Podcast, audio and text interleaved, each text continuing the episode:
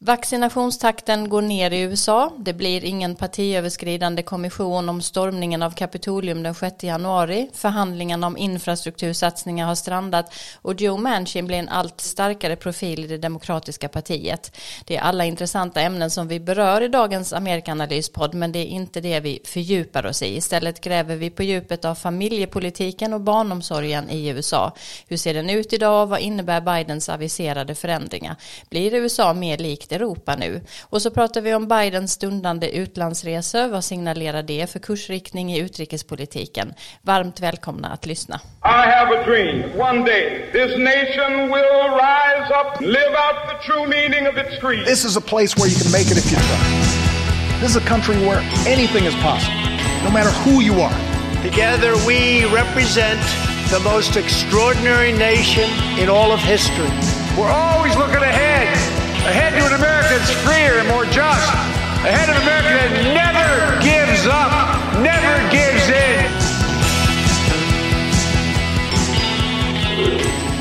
Ja, som sagt, varmt välkomna till ännu ett avsnitt av Amerikaanalyspodden. Jag vet faktiskt inte vilket avsnitt det är i ordningen, någonting som jag har noterat att eh, de flesta andra poddar som jag lyssnar på i alla fall brukar ha väldigt koll på.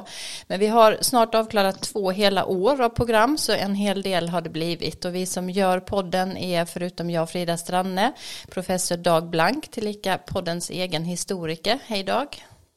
Hallå där! Bra, du hörs, både du och Karin Henriksson som också är en del av den här podden, mångårig journalist bosatt i Washington DC och författare till en lång, lång, lång rad böcker om USA, är med på telefon så att vi hoppas att linjerna ska funka idag. Men hej på dig Karin. Hej, hej.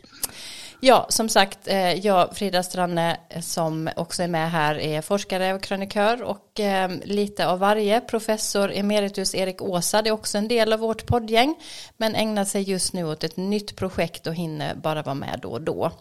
Dag och Karin, hur mår ni i värmen? Dag? Ja, det är ju skönt. Mm. Du ja, mår också bra. bra. Ja, mm. Ni njuter av eh, värmen när den nu äntligen har kommit. Eh, jag har ju bett om varmare väder eh, i många månader så jag får ju absolut inte klaga nu. Men in, värmen innebär ju också att min trädgård nu exploderar av ogräs och min skogsbacke är också överbelamrad med sly. Så jag har inte så mycket tid att sitta i hammocken kanske som jag hade önskat. Ehm, i jakten på maskrosor och kirskål bland annat. Eh, men det här lider inte du av Dag eh, i Stockholm men kanske väl att trängas med andra stockholmare nu när vaccinationerna tagit fart och alla kan vistas ute på diverse fik och krogar. Ja, Stockholm liksom Uppsala där är, del, är ju underbara sommarstäder så de kan starkt rekommenderas för hemester. Mm. Är det trångt nu när eh, folk börjar ge sig ut igen och det har släppt lite på restriktionerna? Ja, det där är väldigt svårt att bedöma. Lite, lite mer kanske, lite mer, men jag tycker ändå att man är ganska duktiga. Vi är ganska duktiga på att hålla avstånden. Mm. Och Karin, en vild gissning, eller inte kanske så vild gissning, är att du jobbar med ett, ditt bokprojekt. Stämmer det? Eller har du tid för någonting annat i sommarvärmen? Det börjar bli lite tjatigt. Jag, jag har just eh, en fas är överstånden och så ja. väntar nästa fas. Men det mesta är gjort. Ja. Men annars så gör jag lite varje. Försöker komma ikapp och hoppas att det blir sociala livet igen och då ska jag ägna mig åt lite mer fantasifull matlagning hoppas jag. Jag har en ny kokbok, en herre som heter Christopher Kimball som har drivit ett litet matimperium som heter Milk Street. Mm, härligt. Eh, när jag tar pauser från ogräset här, kirskål och maskrosor som ju nästan tar koll på en, så kom, har jag verkligen kommit igång med att läsa skönlitteratur igen, vilket är väldigt härligt efter fem år med ständig bevakning av Trump. Eh, en makalöst bra bok som jag just har avslutat faktiskt måste jag nämna här eftersom den handlar om slaveriet i USA och eh, som jag varmt kan rekommendera, den kanske är känd för de flesta, den underjordiska järnvägen av Colson Whitehead. En isande och mästerlig iakttagelse skulle jag säga om vad som drev slaveriet i USA. Men också samtidigt en, en sylvass kritisk blick på den västerländska civilisationens eh, dubbelmoral och, och fasansfulla, får man säga, väg till utveckling. Vi får följa slavflickan Cora och genom hennes ögon se slaveriet från slavens perspektiv. Väldigt, väldigt bra. Eh, läser ni någonting, Dag? Som inte är facklitteratur eller forskning? Ja, The Underground Railroad läste jag när den kom ut. Den kom väl ut för en uh, fyra, fem år sedan tror jag. Och den, jag håller med, den är underbart bra. Och du har du någonting nu? Har du haft tid att läsa någonting skönlitterärt på sistone? Ja, jag håller fortfarande på och lägger de sista sidorna vid Fredrik Logevalls Kennedy-biografi.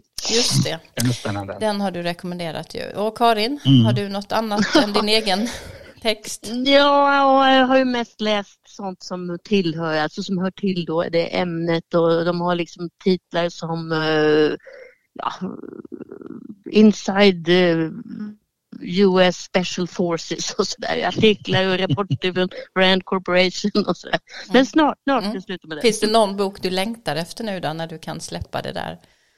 Och du kan inte ana hur många, hur många, det är det går inte, jag vet inte ens var jag ska börja. Nej. Jag Men jag ska säga också, om, om jag, får, jag försöker läsa ganska mycket svenska böcker när det gäller romaner i synnerhet.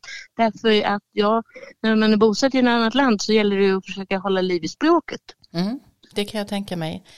Eh, jag gick ju faktiskt ut med en fråga på eh, min Facebook-sida för någon vecka sedan om boktips så här och blev helt överöst med över hundra fantastiska rekommendationer av olika boktips som jag vet att också andra har sparat i sina trådar nu för det var så mm. många fantastiska titlar som kom upp där. Så jag kommer inte ha brist i alla fall på eh, eh, tips och eh, tänkbara böcker att läsa. Jag har faktiskt redan beställt en rad sen jag fick de här alla tipsen.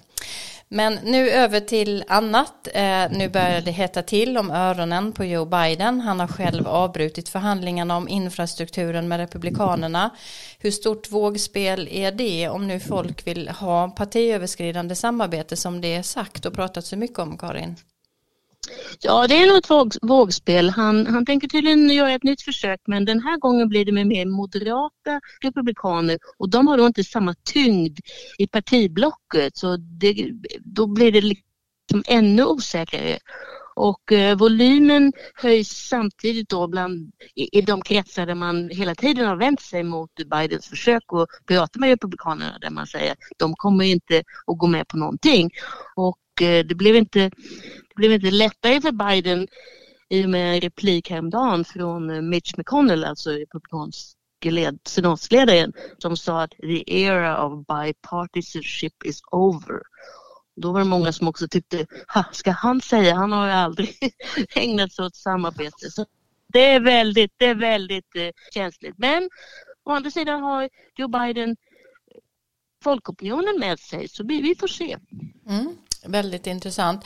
En av hans egna i senaten, Joe Manchin från eh, West Virginia, uppträder ju nu nästan också som president själv. Han motsätter sig två av demokraternas eh, prioriteringsfrågor, nya rösträttslagar och att ändra filibusten. Vi, vi har ju talat om den senare flera gånger och nu har det bevisats hur viktigt det här är. Men kan du säga något, eh, Karin, kanske både något om vem Joe Manchin är och vilken plats han har och, och just de här frågorna som nu hindras?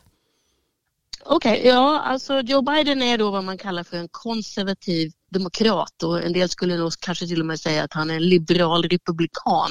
Han kommer från West Virginia som förr i världen, inte så jättelänge sedan, var ett demokratiskt fäste men där troligen ingen demokrat utom Joe Manchin skulle vinna ett, ett val på delstatsnivå. Och eh, han vill tydligen själv då bli omvald när, när det är hans tur nästa gång, det vill säga 2024. Och det sades hela tiden att han blir förmodligen vågmästaren i det här 50-50 läget som råder. Och eh, han har fått utstå en hel del eh, kommentarer eh, att han sviker partiet och han sviker partiets ideal och att han är naiv och dessutom så säger man att West Virginia är inte representativ som stat, varken för demokraterna i stort eller bland andra delstater. Det är nästan helt vit befolkning och dessutom en krympande befolkning. Men man ska också tillägga att han är inte helt ensam här utan det finns en demokratisk senator till som står på samma sida som han, nämligen relativt nyinvalda Kirsten Sinema i Arizona. Mm. Och just nu då så har han motsatt sig de här viktiga frågorna då om rösträttslagar och, och om att ändra i filibusten. Är det så som vi ska förstå det? Just det. Mm. Och mm. det, det, gick han ut med, jag bara kort, det gick han ut med i en, i en, i en debattartikel i en lokaltidning. man vet inte vad, vad, han och Biden har talat om i en rum. Nej. Vad sa du? Man, man, kan, ja, man kan ju notera att det finns ju två rösträttslagar som är på förslag och det, han är motståndare till den ena men den andra är han eh, positivt stämd till. Den som den, först, den andra lagen det är den som specifikt tar upp konsekvenserna av utslaget i Högsta domstolen som begränsade möjligheten att kontrollera inskränkningar i rösträtten, alltså i Voting Rights Act. Eh, eh, det utslaget och där, det som kallas för Joe Lewis Eh, bill. Alltså. Och det, det ställer han sig till, positivt men det är den första lagen han är med, som han är skeptisk till som är ganska bred i sin approach som tar upp campaign financing och så vidare. Men den andra lagen som, som, som zoomar in framförallt på det här pre-clearance eh, kravet som fanns i Voting Rights Act som Högsta domstolen slog ner på, där är han mer öppen. Mm. Och sen blir det ingen 6 januari-kommission. Eh, man fick inte ihop 60 röster, så vad blir det istället, eh, Dag? Ja, det vet man ju inte riktigt, men eh, man kan ju komma ihåg att Warren-kommissionen den som tillsattes efter mordet på president Kennedy som leddes av chefsdomaren Earl Warren. Det var faktiskt presidenten som utsåg den kommissionen. Det var inte en så att säga, kongressutsedd kommission. Så det är möjligt att, att Biden finner det för gott att utse en egen kommission. Mm. Um. Och vaccinationstakten eh, har fortsatt att minska i USA. Också en sak som det pratas om mycket nu. Kommer Biden att lyckas med målet att eh, 70 procent ska vara vaccinerade till 4 juli, Karin? Ja, nu börjar det här låta som en refräng. Svårt att säga, men eh, det, det, är ju inte så långt kvar till det målet. Man säger nu ungefär 63-64 procent eh, Eh, vaccinerade och eh, jag, tror det siffran är att, eh, ska vi se här, 133 miljoner amerikaner av då en befolkning på ungefär 325 miljoner är fullt vaccinerad. Så, men, men signalerna från Vita huset är att det ska bli en ny drive. Nu ska vi gå ut och påminna folk om att de ska vaccinera sig och det tyder ju ändå på att det, det finns vissa tvivel. Mm. Jag har förstått att det görs eh, många kampanjer nu som där såväl som här också ju för att verkligen motivera folk att vaccinera för sig. Ja, det var eh, lite smått om olika saker som händer just nu men nu går vi över till ett annat samtal. Biden är på väg på sin eh, första eh, utrikesturné som president. En eh, van arena för honom då han som tidigare vicepresident mött världsledarna i många sammanhang. Men vad säger valet av länder och möten om hans prioriteringar utrikespolitiskt? Är det en återgång till tidigare eller signalerar hans resa någonting nytt? Är det något som utmärker sig? Det ska vi prata om nu. Men innan vi går in på att analysera det här kanske du Karin kan ta oss igenom lite om vad som är på, på väg väg? Vart ska Biden åka och, och vilka ska han träffa?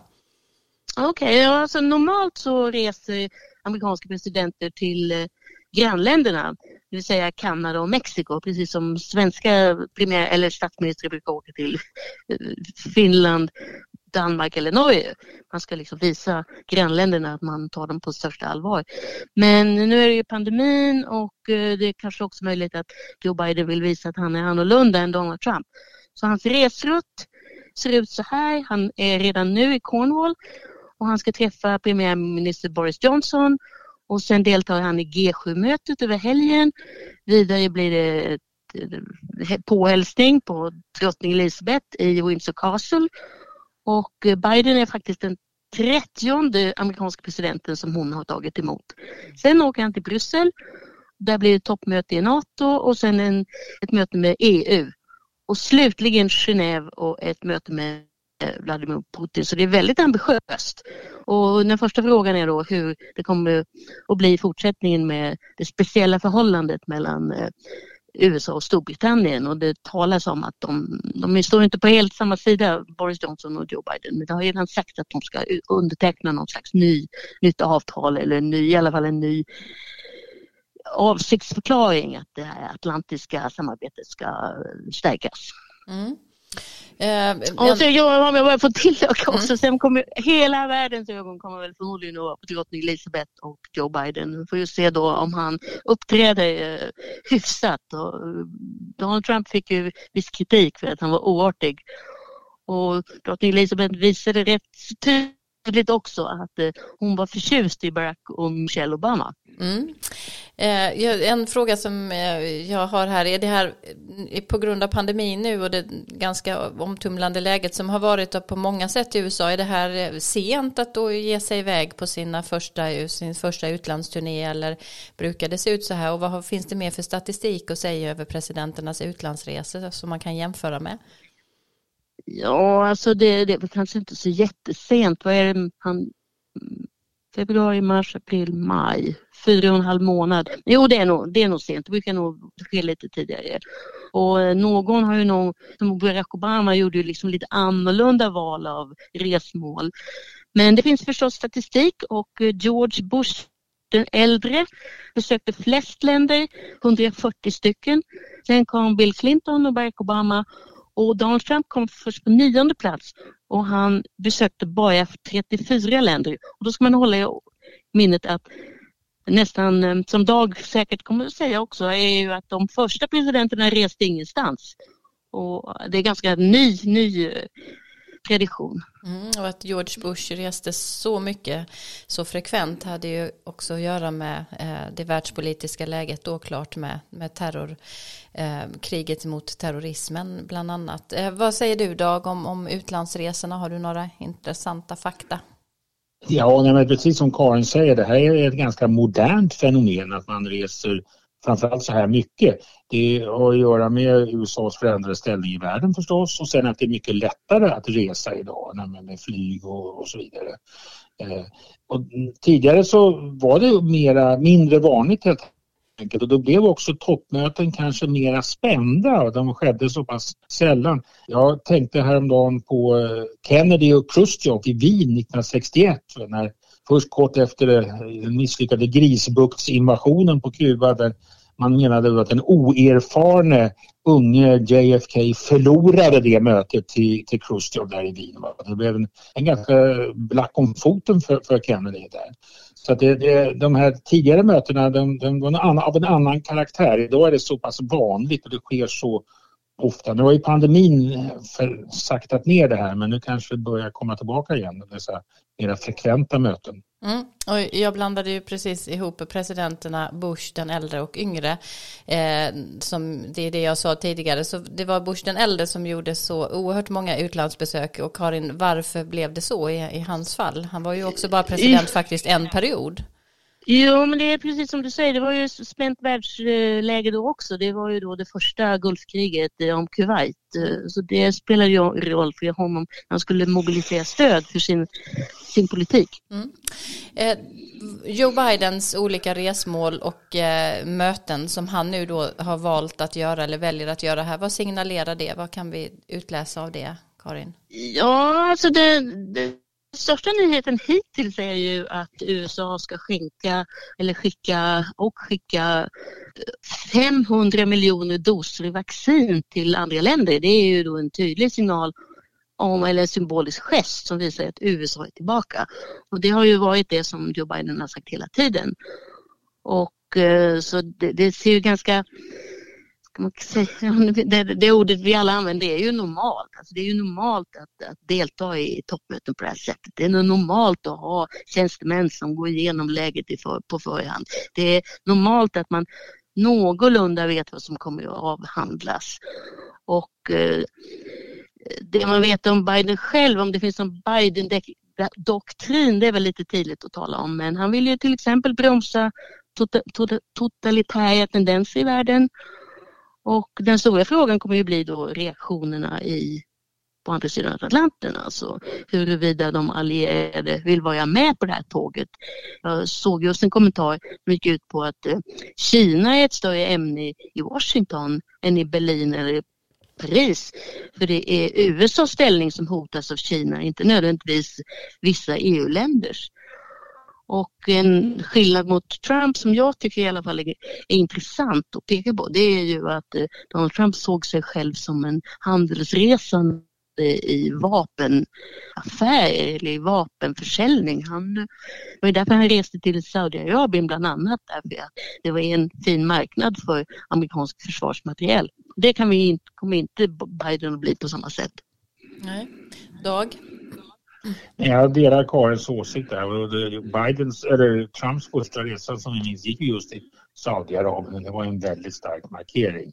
Han dansade svärdsdans och blev uppfattad av saudierna. Det var avvikande och nu är vi tillbaka något mer normalt. Mm. Jag tycker det är väldigt intressant det du nämnde Karin om eh, att han vill eh, samla eh, Eh, demokratier i världen och nästan det har talats om någon form av samling bland världens största demokratier som skulle liknas vid något vad G7 är för ekonomin och säkerhet som ju inte är okontroversiellt och, och som också som du nämnde här bryter lite mot hur EU brukar se på vikten av att inte skrämma bort andra eh, stater som skulle kunna gå samman i en annan konstellation eller allians som en motvikt i så fall till det initiativet. Så att där är ju också frågan nu hur, hur man ska samverka om de här frågorna som man ju är eniga om att man vill eh, jobba för, alltså främja demokrati och utveckling och samtidigt också jobba med klimatfrågor och annat, men hur man ska göra det, det är ju mer oklart. Och sen när det gäller återgången eh, till det normala så är det ju också precis som du berörde Karin självklart så att det vi ser nu är en, en, en återgång till ett mer normalt beteende med förberedelser och eh, kontinuitet och att man också eh, inte är så oberäknelig. Men samtidigt så är ju EU eller Europa något nedprioriterat och det kommer också finnas en högre, högre krav på allianspartners på olika sätt och kanske troligen också enligt många bedömare en mer tydlig amerikansk eh, American first-linje på något sätt om än i helt andra ordalag än de som Donald Trump använde. Så hans utrikespolitik är ju väldigt spännande att följa. Men en väldigt spännande sak in, precis nu i, i eh, eh, som ligger i pipeline här är ju mötet med Putin den 16 juni. För där kommer vi ju ihåg hur det såg ut när Trump och Putin möttes. Vad, vad kan man vänta sig av det här den här gången, Karin? Ja, alla är inblandade spelar ner det hela och eh, det är då mot bakgrund av att de amerikansk-ryska relationerna befinner sig verkligen på bottennivå. Man talar till och med om kalla kriget och eh, att det är som när Sovjetunionen fanns. Och det är mycket i potten. Det är befintliga sanktioner, det är cyberattacker, Ukraina, kärnvapen och sen då att Biden svarade ja på frågan om han anser att Vladimir Putin är en killer, det vill säga en mördare. Men eh, Biden sa han, han lät rätt realistisk inför avresan. Han sa då att eh, han kommer att, att tala om för Putin att han vill ha ett stabilt förhållande eller en stabil relation och att eh, han kommer också berätta för, för Putin var han står någonstans i olika frågor. Det vet vi ju fortfarande inte vad Donald Trump sa till Putin när de träffades i enrum. Nej. Och när vi spelar in säsongens sista avsnitt innan sommaruppehållet så har ju det här mötet skett så att då kan vi ju komma tillbaka till en kanske i alla fall en kort analys av det för att det är ju ändå intressant att se nu vad både det mötet och också andra möten här i Europa kommer att innebära. Eh, jag nämnde ju inledningsvis här att eh, Biden är ju väldigt van. Eh, han har ju som vicepresident bland annat rest mycket och träffat många världsledare. Hur är det med Kamala Harris Harrys resor i det här sammanhanget och möten med andra ledare. Hur har det sett ut, Karin? Ja, hon har också varit på resa. Hon var i eh, Guatemala och Mexiko och hon varnade folk för att försöka resa in i USA illegalt. Och hennes, hon har ju fått ett par tung, väldigt tunga uppdrag. Hon ska försöka minska invandringsströmmen och hon ska se till att den här nya, de här nya rösträttslagarna som vi nämnde förut ska gå igenom. Och en del skulle till och med säga att det här är omöjligt och varför har Biden kastat detta i knät på henne? Ja, det vet vi inte. Det kan ju vara ett sätt att testa henne eller så är det helt enkelt ett sätt att liksom visa att nej, hon är kanske inte presidentmaterial själv så det är spännande det också. Det har varit ganska kritiska recensioner eller kommentarer efter hennes resa. Mm. Som sagt, när är det Biden inleder sin resa? Är det idag han åker eller morgon möjligen? Han har redan anlänt till Cornwall. Han har mm. till och med redan anlänt, det ser man. Mm. Eh, jag är inte så uppdaterad som jag borde. Eh, men jättespännande, det är någonting som vi får följa och som sagt då komma tillbaka till eh, nästa podd. Men nu tar vi veckans Biden.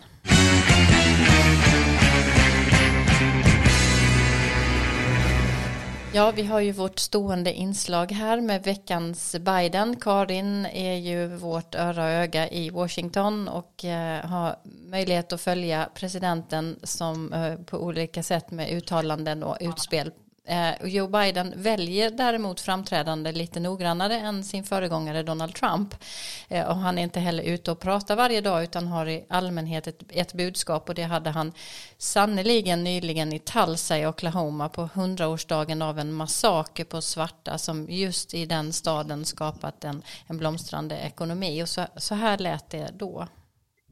White mob of a thousand gathered around the courthouse where the black teenager is being held, ready to do as still occurred lynch that young man that night. But 75 black men, including black veterans, arrived to stand guard. Words were exchanged, then a scuffle, then a shots fired. Hell was unleashed. Literal hell was unleashed. Through the night and into the morning, the mob terrorized Greenwood, torches and guns, shooting at will. A mob tied a black man by the waist to the back of their truck with his head banging along the pavement as they drove off. A murdered black family draped over the fence of their home outside.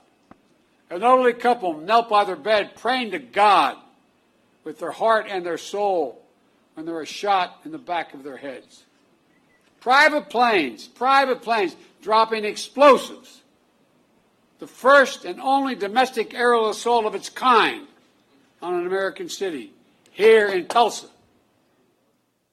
Ja, han sparade inte på orden där, Karin. Vad sa han? Nej, verkligen inte. Han beskrev i mycket målande ordalag vad som följde efter en händelse som inte, det här var inte enda gången utan det är flera gånger som en Eh, det som har blivit en utlösande gnista har varit att en svart ung man har anklagats för att ha antastat en vit kvinna. Och här så var det då en vit mobb som gick till attack mot en, en välmående svart stadsdel, ibland kallad Black Wall Street, i vad som är det värsta rasistdådet någonsin i USA. Över kanske 30-40 döda och tusentals hemlösa eftersom deras hem hade bränts ner. Och Biden sa att ingen president har tidigare rest till Tulsa för att fördöma den här händelsen. Och det är ett tecken på att han bryr sig om afroamerikanernas historia. Och nästa minnesdag som han förmodligen kommer att uppmärksamma är Juneteenth som firas till minne av att slaveriet officiellt förbjöds i Texas den 19 juni 1865, vilket var ett år efter det att eh, slaveriet egentligen förbjöds i hela USA. Um, jätteintressant uh, och också viktigt ju och där kan vi ju kanske påminna om uh, ett inslag vi hade i podden för eh, ett par månader sedan med Fernando Arias eh, och eh, för er som inte har lyssnat på det så gör gärna det för där pratade han just också om vem, att minnas och vems historia och vem som man minns vilket var väldigt intressant inslag med Fernando Arias. tack för det Karin, nu tycker jag att vi går till dagens dagens fördjupningstema.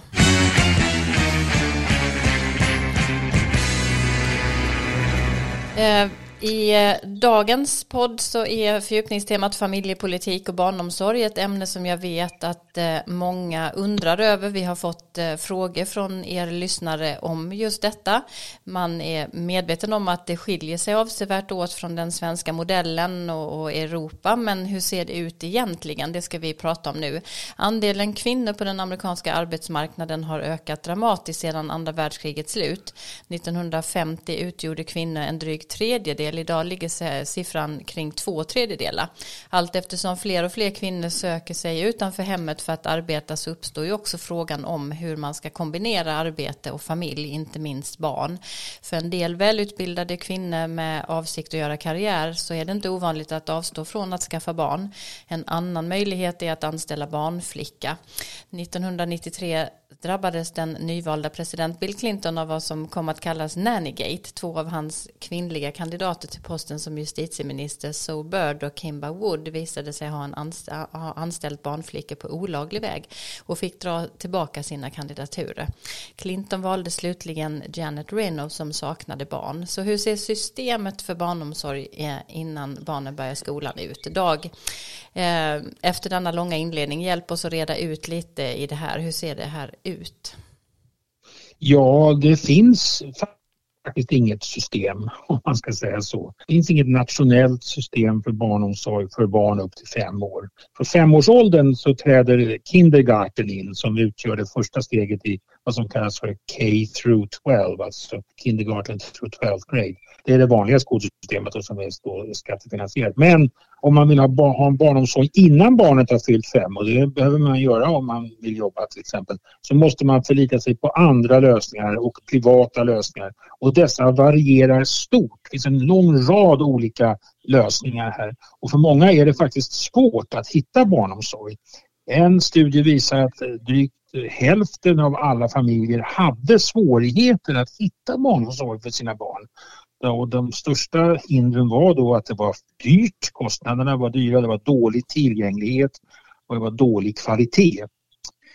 Men man kan notera att det inte är omöjligt att ordna barnomsorg i USA.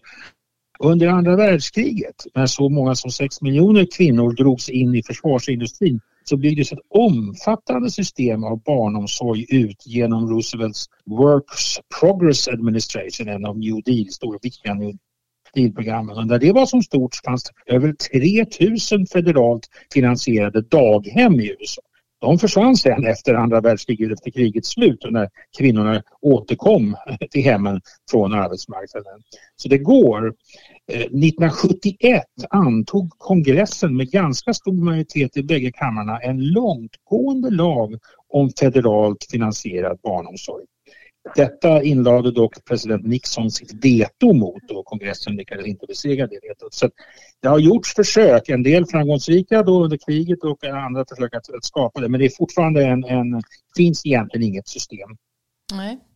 Eh, vad finns det för eh, former för, för barnomsorg? Ja, som jag sa så varierar de då väldigt mycket. Det kan vara privata förskolor av olika slag eh, med stora variationer i kvalitet för höginkomsttagare och medlemmar av eliten så att säga, i till exempel stora städer finns utmärkta förskolor men till mycket högre priser. Det är en del av det segregerade uppdelade USA. Vi talar, vi talar om skolsystemet för några poddar sedan så underströk vi just det också. Samtidigt finns det då många förskolor av, av mycket lägre kvalitet så att säga, och som, som då också ofta är billigare. Då. Så det är stora skillnader i ett samhälle präglat av klyftor. Sen eh, finns en, ett annat system med babysitters där man lämnar barnet i en persons hem. Alltså det är inte en, en förskola i, i, den bemärkelsen. Det påminner om det svenska systemet med dagbarnvårdare kanske och det är inte alls ovanligt att det finns en babysitter. De är inte alltid utbildade och kvalificerade på något sätt utan de eh, bara tar hand, tar hand om barnet så att säga. Och sen så har vi då dessa nannies, barnflickor som det talas så mycket om. Både Zoe Bird och Kimba Woods som du nämnde, där, de följer på dessa nannies. Och de spelar en ganska viktig roll, inte minst för höginkomsttagare och högutbildade, men det är ändå en ganska liten andel som har råd att anställa en nanny. Eh, kanske 4 5 procent av amerikanska familjer har, har nannies. Sen kan man också notera att det finns eh, barnomsorg som företag, institutioner och företag eh, erbjuder till sina anställda eh, till ibland subventionerade priser inte minst inom high-tech-sektorn har detta blivit vanligt. Amazon och Facebook och Google, de har det som ett sätt att konkurrera om arbetskraften, den, den mycket attraktiva arbetskraften. Google har till exempel fyra förskolor i Mountain View i Kalifornien i Silicon Valley för sina anställda och man erbjuder också för, betald föräldraledighet för kvinnor i, i, i 18 veckor. Så det är stor variation och detta Eh, svårt att hitta barnomsorg ofta och, eh, men har man tur och jobbar på en arbetsplats med ett intresse för det så kan man få det där igen. Mm. Okay. Det, jag, ska bara säga, jag, jag, ska också bara säga en sak först till det för att det är också en spännande eh, och intressant utveckling av eh, den allt tätare globaliseringen och att många multinationella företag med anställda som rör sig över nationsgränser och jobbar i andra delar av världen där det också blir väldigt uppenbart eh, kring just konkurrenskraften men kanske framförallt också då om skillnader i system med vad det gäller föräldraledighet och annat och att det har blivit en viktig faktor för många inte minst minst då kvinnor att faktiskt få eh, bättre villkor eh, som är ju intressant. Men Karin, du skulle säga någonting också om det här. Ja. Jag bara ett par små detaljer. Dels så finns ju det här Head Start-programmet, mm. alltså släkt förskola, som då ingick i Lyndon Johnsons eh, reform, sociala reformpaket på slutet av 60-talet och han sa själv att det var det han var stoltast över. Han hade ju själv varit lärare som ung och dels, och det kanske är politiskt inkorrekt att säga det, men det finns ju starka grupper i USA som är emot att kvinnor med små barn förvärvsarbetar. Och i vissa fall så har de ju de här kvinnorna som stannar hemma till och med homeschooling. Och sen då att det i vissa inkomstskikt är möjligt för kvinnan att stanna hemma och att en del av dem gör det. Och det kan till och med vara mannen faktiskt. Det finns sådana exempel. Mm, vi kommer väl tillbaka lite till det men det är ju kopplat givetvis till eh, föräldraförsäkringen som är oerhört eh, liten, nästan obefintlig för många och du har ju bara rätt att vara hemma även obetalt under en väldigt begränsad period vilket ju gör att eh, alternativen eh, och det bästa alternativet eftersom det också är väldigt kostsamt att sätta barnen i barnomsorg blir att eh, det blir bättre så att säga eh, för, eh, för familjen och familjens ekonomi att någon är hemma och det blir det också kvinnan. Eh, men du nämnde kostnader också. Vad får man betala, Dag? Ja, det är stor variation även där naturligtvis. Eh, det finns en studie som jag tittar på som uppskattar den genomsnittliga kostnaden i de här privata alternativen ligger på 10 000 dollar per år och barn. Och det är stora pengar som många inte många inte har råd med. Och vad gör man då? Då, då drar samma slutsatsen att många, över hälften, valde bort barnomsorg, delvis på grund av att man inte hade råd. Och att en fjärdedel förlitade sig på far och morföräldrar. Det spelar en väldigt stor roll, far och morföräldrarna i, i barnomsorgen. Så, så det, det, det, betyder att det finns en brist på bra barnomsorg helt enkelt och, och eh, ekonomiskt eh, hållbar barnomsorg så att säga. Och man kan säga ordet platsgaranti som är så viktigt i svensk förskola, det är okänt där. Mm. Ja, och det finns ju eh, många kvinnor också som vittnar när man pratar om dem att de, eh, de som ändå väljer att jobba och så att de rent ekonomiskt så blir det en situation där de i princip eh, ger bort stora delar av sin lön till barnomsorg eftersom det är så, så kostsamt, framförallt om man vill ha någon pedagogik med i ekvationen. En fråga som är nära länkad till barnomsorgen är ju just som jag nämnde föräldraledighet och hur, hur ser det ut med den dag? Ja, det finns ju viss föräldraledighet och det var en av Bill Clintons stora framgångar, The Family Leave Act från 1993. Den ger anställda rätt till 12 veckors obetald ledighet i samband med en nedkomst. Alltså. Notera ingen föräldrar det är en föräldraförsäkring, man förlorar inte jobbet men det är ingen ersättning. Den gäller både för privat och offentliganställda. Det finns vissa regler att man måste ha jobbat en Eh, en, en viss period för att kunna komma i fråga. Det. det är på den federala nivån. Sen finns det ett antal delstater som har antagit eh, lagar som går längre. Va? Det är det typiskt amerikanska det federala systemet. Alltså på lokal och ibland till på delstat ibland kanske till och med lokal nivå så finns andra regler och som företag också som kan erbjuda som vi hörde de här high tech-företagen. Eh, och båda de här frågorna om föräldraförsäkring var ju, och barnomsorg var stora frågor i valet 2020 och Biden eh, eh, talade ju mycket om det. Mm. Och där kan man väl igen säga, eh, Karin, eh, du ska få förklara alldeles snart hur Bidens förslag ser ut, men här kommer väl också det här in med en större medvetenhet om, inte minst bland yngre, om eh, hur olika, hur, hur USA skiljer ut sig från andra välfärdsstater och ett större krav på just att få en bättre föräldraförsäkring på plats, därför att man, när man jämför då här och det som du säger Dag, är ju i europeiska ögon väldigt häpnadsväckande att man har rätt till tre månader med sitt barn men helt utan ersättning. Det är, det är väldigt stor skillnad. Eh, vad, vad, tänker du om det Karin? Eh, hur, hur liksom känns eh, opinionen i den här, i det, till den här frågan? Nämligen som ni säger, det finns en opinion för. Men ehm, och det intressanta också är ju att eh, Clintons reform är 30 år sedan och det är faktiskt det enda, i princip det enda som har hänt på det området det familjepolitiska området. Så sen möjligen, en skillnad mot Sverige är ju ändå att det heter Family Leave Act. Mm. Så man kan få ledigt för att ta hand om en anhörig. Det är ju faktiskt inte, inte så dumt. Mm.